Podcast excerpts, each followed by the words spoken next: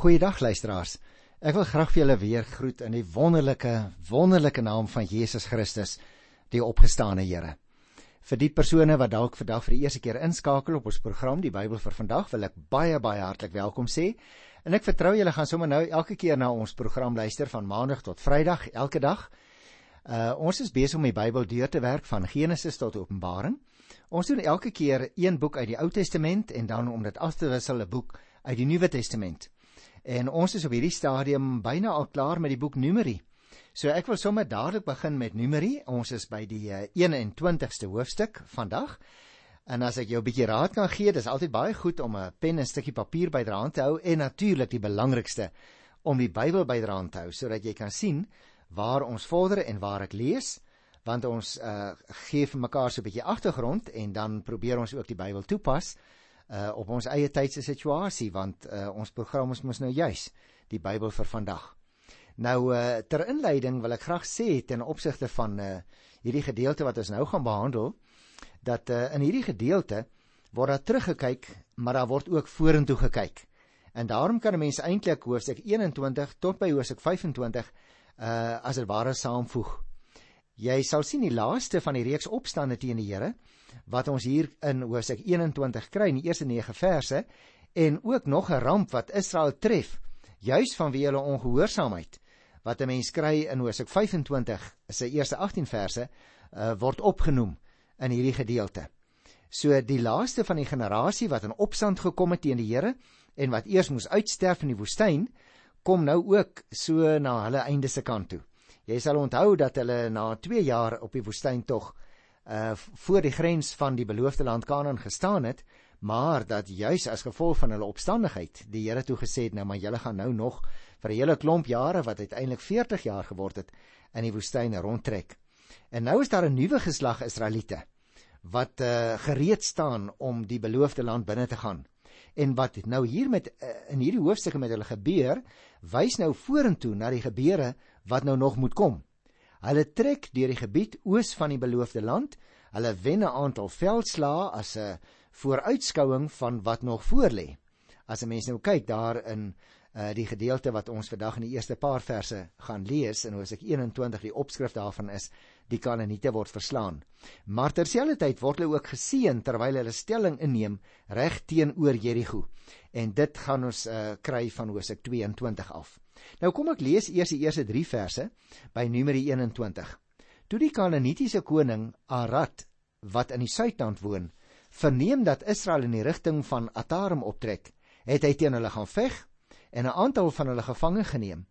Israel het 'n gelofte aan die Here gedoen: As u hierdie volk en hulle stede in ons mag gee, sal ons hulle stede as banoffers aan u offer. Die Here het die gebed verhoor en die Kanaaniete in Israel se mag gegee hulle toe die Kanaaniete verslaan en hulle stele heeltemal verwoes. Daarom word die plek Gorma genoem. Nou kom ek vertel eers vir jou so 'n bietjie agtergrond uh, oorsigtelik oor hierdie verse wat ek nou gelees het en dan kyk ons self so 'n bietjie in groter detail na die eerste 3 verse. Gorma. Nou ja, dis 'n vreemde naam, né? Gorma was naamlik die plek waar Israel vroeër al reeds deur die Kanaaniete van die bergland verslaan is toe hulle sonder God wou gaan veg.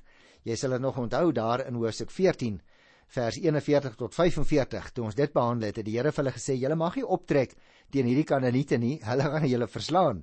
Maar hulle was so vies en eie geregtig, hierdie klomp Israeliete op daai stadium dat hulle opgetrek het en toe het hulle ook 'n nederlaag gelei. Jy kan die verhaal gaan lees in uh, Numeri 14. Maar hierdie keer maak hulle nou 'n gelofte aan die Here om alles in sy hande oor te gee. En wanneer hulle dan die koning van Arad verslaan, neem hulle niks vir die, van die buit vir hulle self nie. Maar hulle vernietig alles om so 'n banoffer aan die Here alleen te wy. Nou ons het ook uh, daaroor al so 'n bietjie gepraat uh oor die banoffer en hier kry ons nou weer 'n voorbeeld daarvan. Wanneer Israel met die Here as hulle aanvoerder optrek, behaal hulle sukses.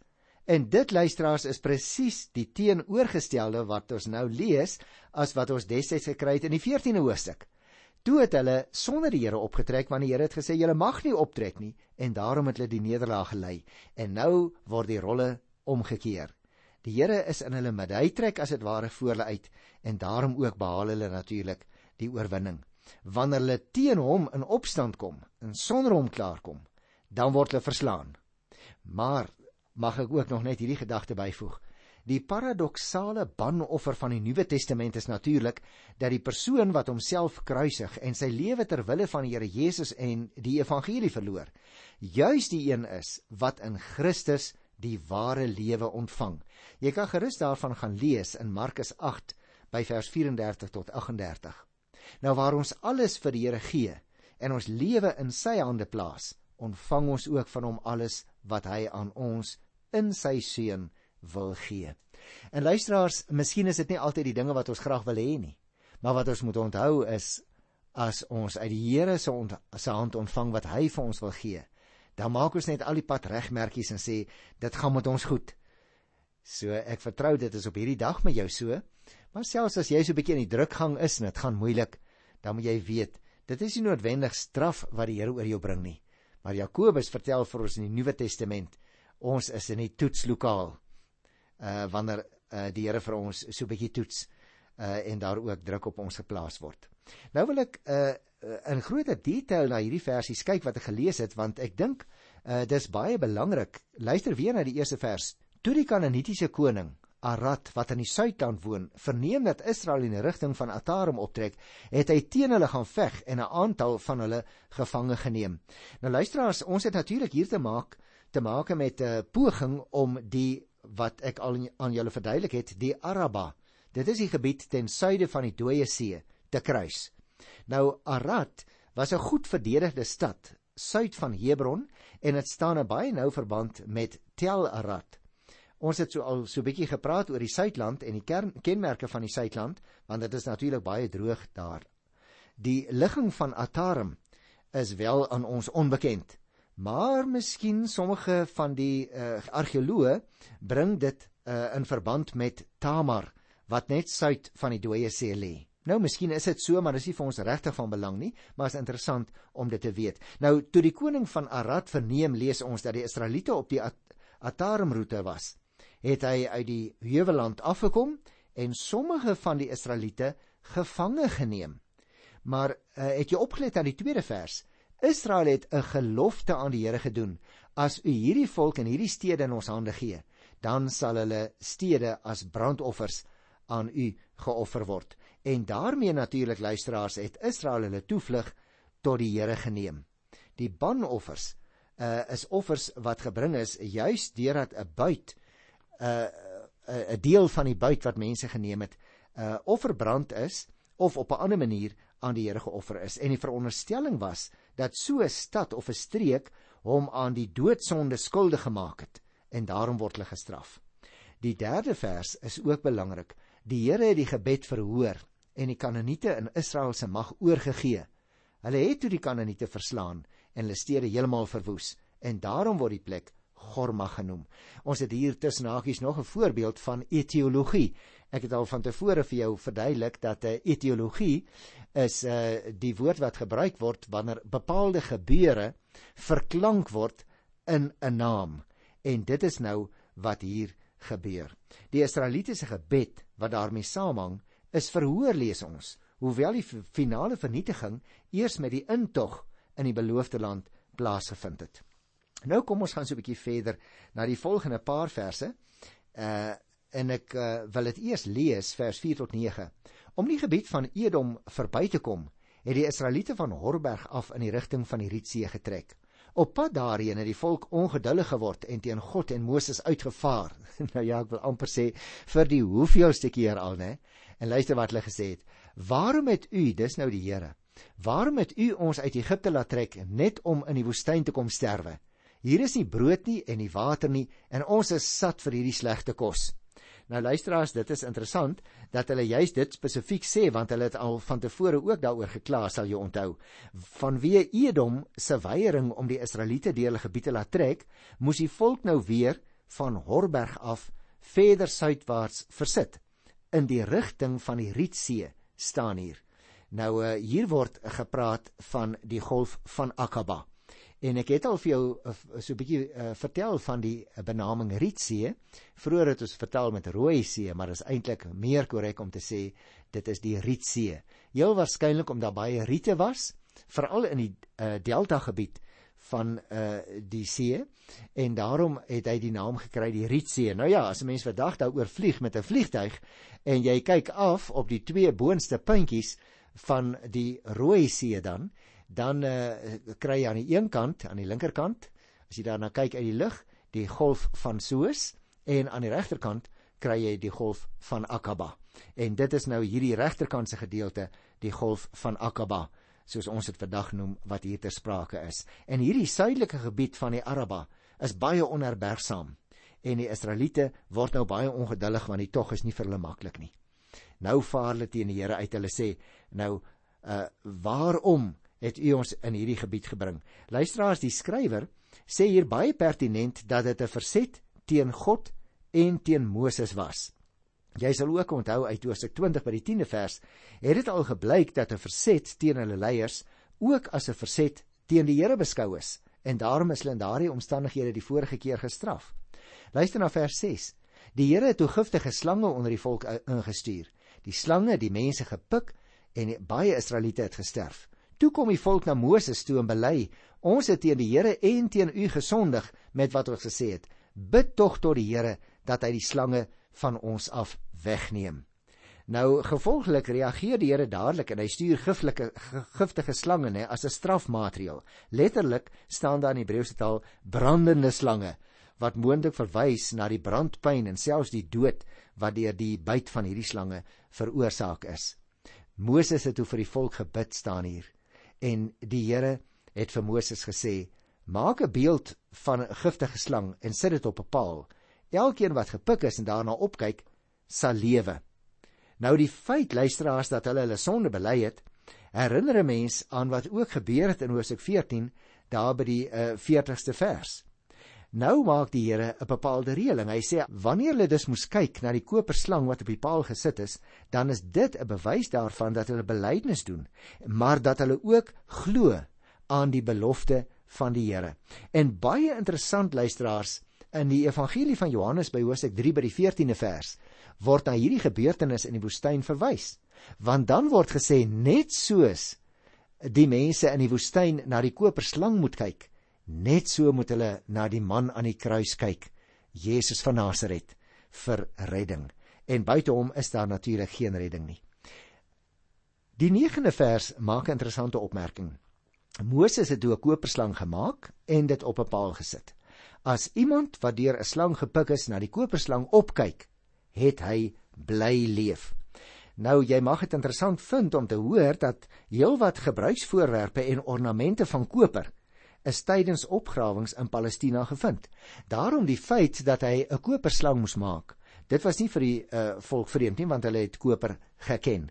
Maar voor ek na die volgende perikopie toe oorskuiwe luisteraars, wil ek graag sommer by wyse van so 'n gedagteprentjie wat ek vir jou gee uh net hierdie belangrike gebeurtenis uh van die koperslang in die woestyn uh by jou inskerp. Kom ek vertel jou storieetjie. Nou ja, dit is sommer net 'n prentjie wat ek teken, maar sodat ons dit goed kan onthou. Stel vir jouself voor in jou gedagtes teken nou hierdie prentjie wat ek jou vertel. Daar lê 'n Israeliet in die woestyn. 'n Slang het hom gebyt. Hy's besig om dood te gaan. Daar skuim bolle om sy mond. En hier kom nou 'n ander Israeliet wat weet van die koperslang op die paal en sê Hy staan nou eers daar rond en en hy draai om en dan stap hy weer weg.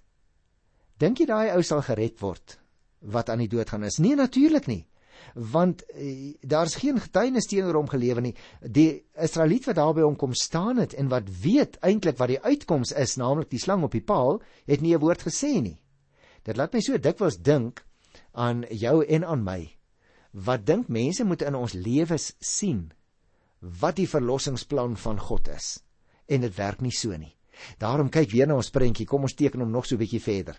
Ons kleur hom in soos die kinders die kleurprente in inkleur, nê. Uh hier kom nou 'n tweede Israeliet by daai aan. Hy hy kyk na hom, hy sê, "Hoor jy my, ouma, jy moet gaan kyk dat die slang wat op die paal is, dan gaan jy gesond word." Sal hierdie ou uh, gesond word? Nee, hy sal nie want hy's reeds besig om dood te gaan aan hierdie geweldige giftige slang wat hom gebyt het. Hy lê in pyn daar met skuimbolle om sy mond. So hy gaan nie gered word nie. Dit is dit is ook soos jy en ek wat soms die evangelie boodskap net so vinnig vir iemand noem in die verbygaan.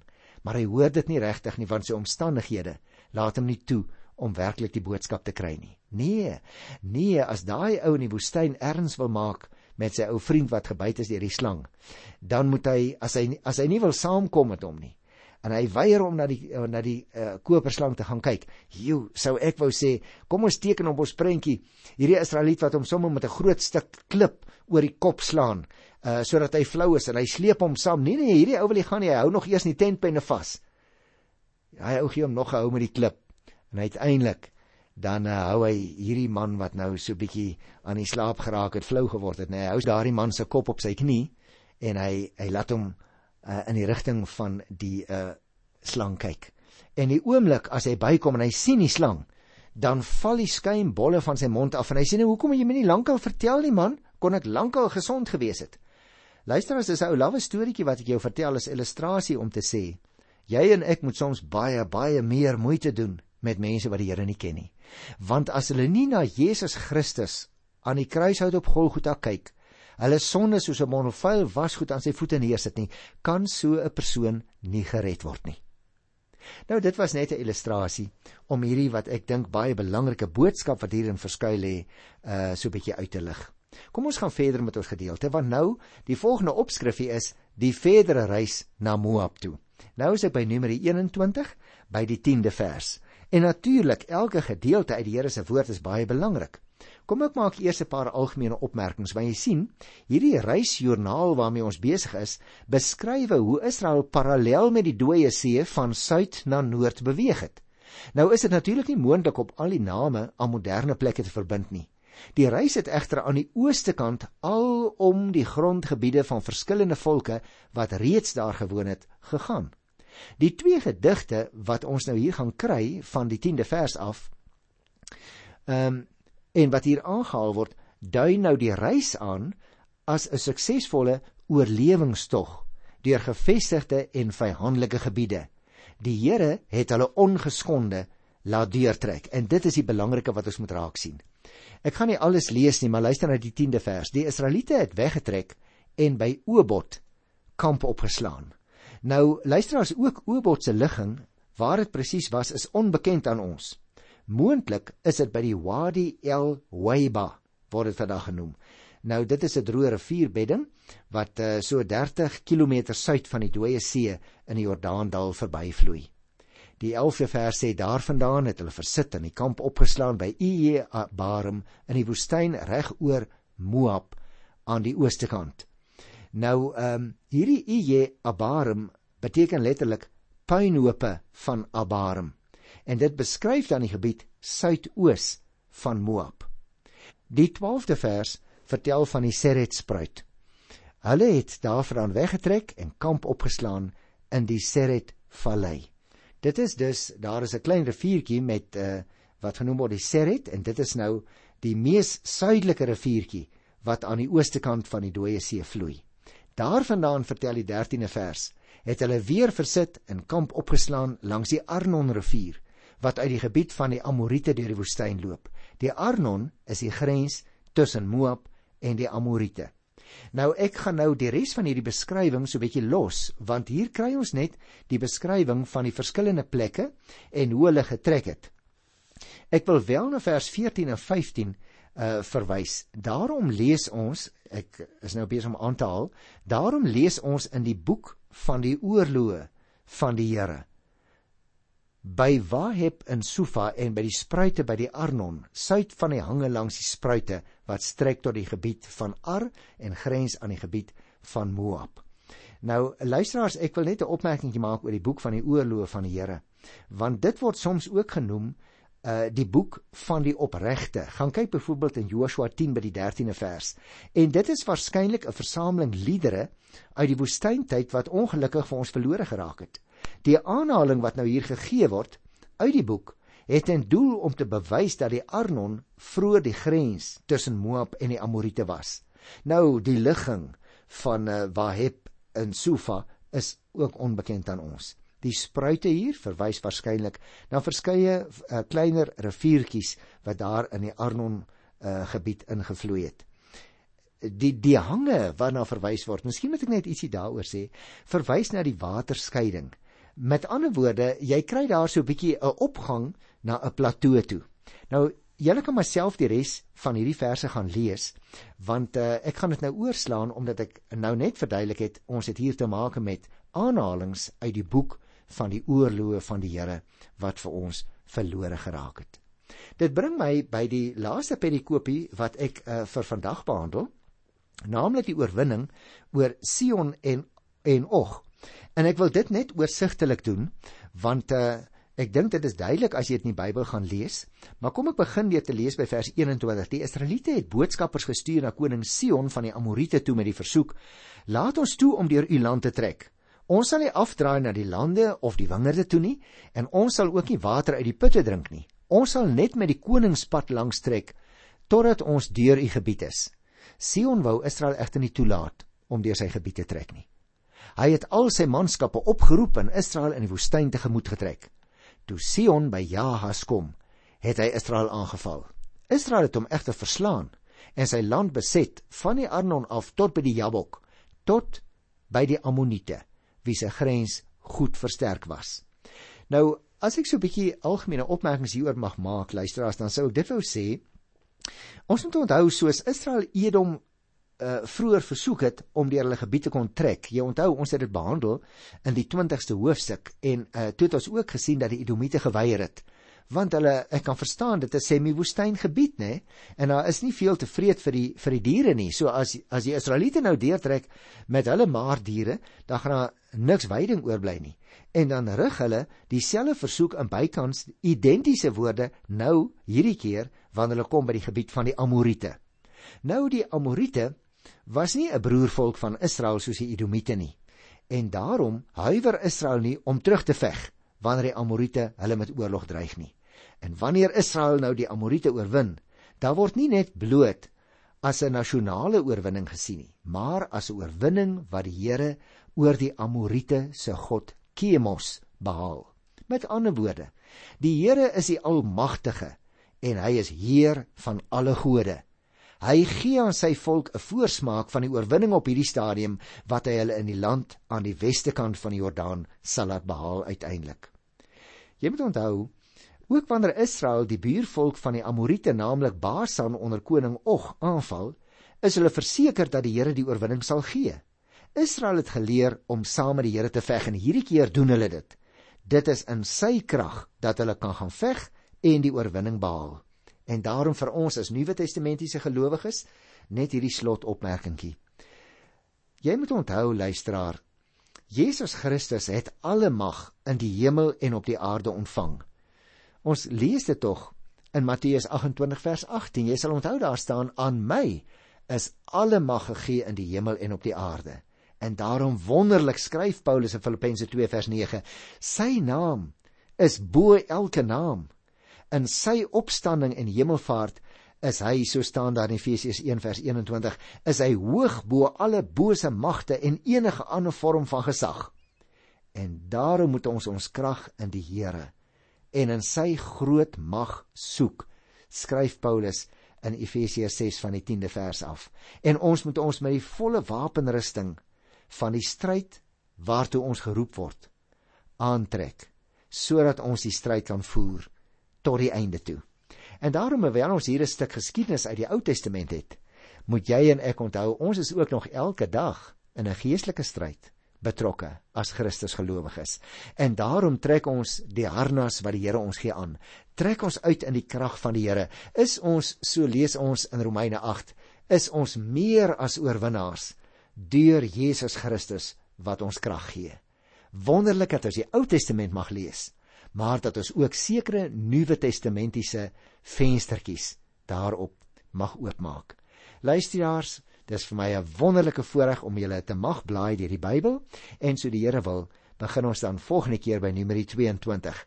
Intussen groet ek jou in die wonderlike wonderlike naam van Jesus Christus, die oorwinnaar. Tot volgende keer. Totsiens.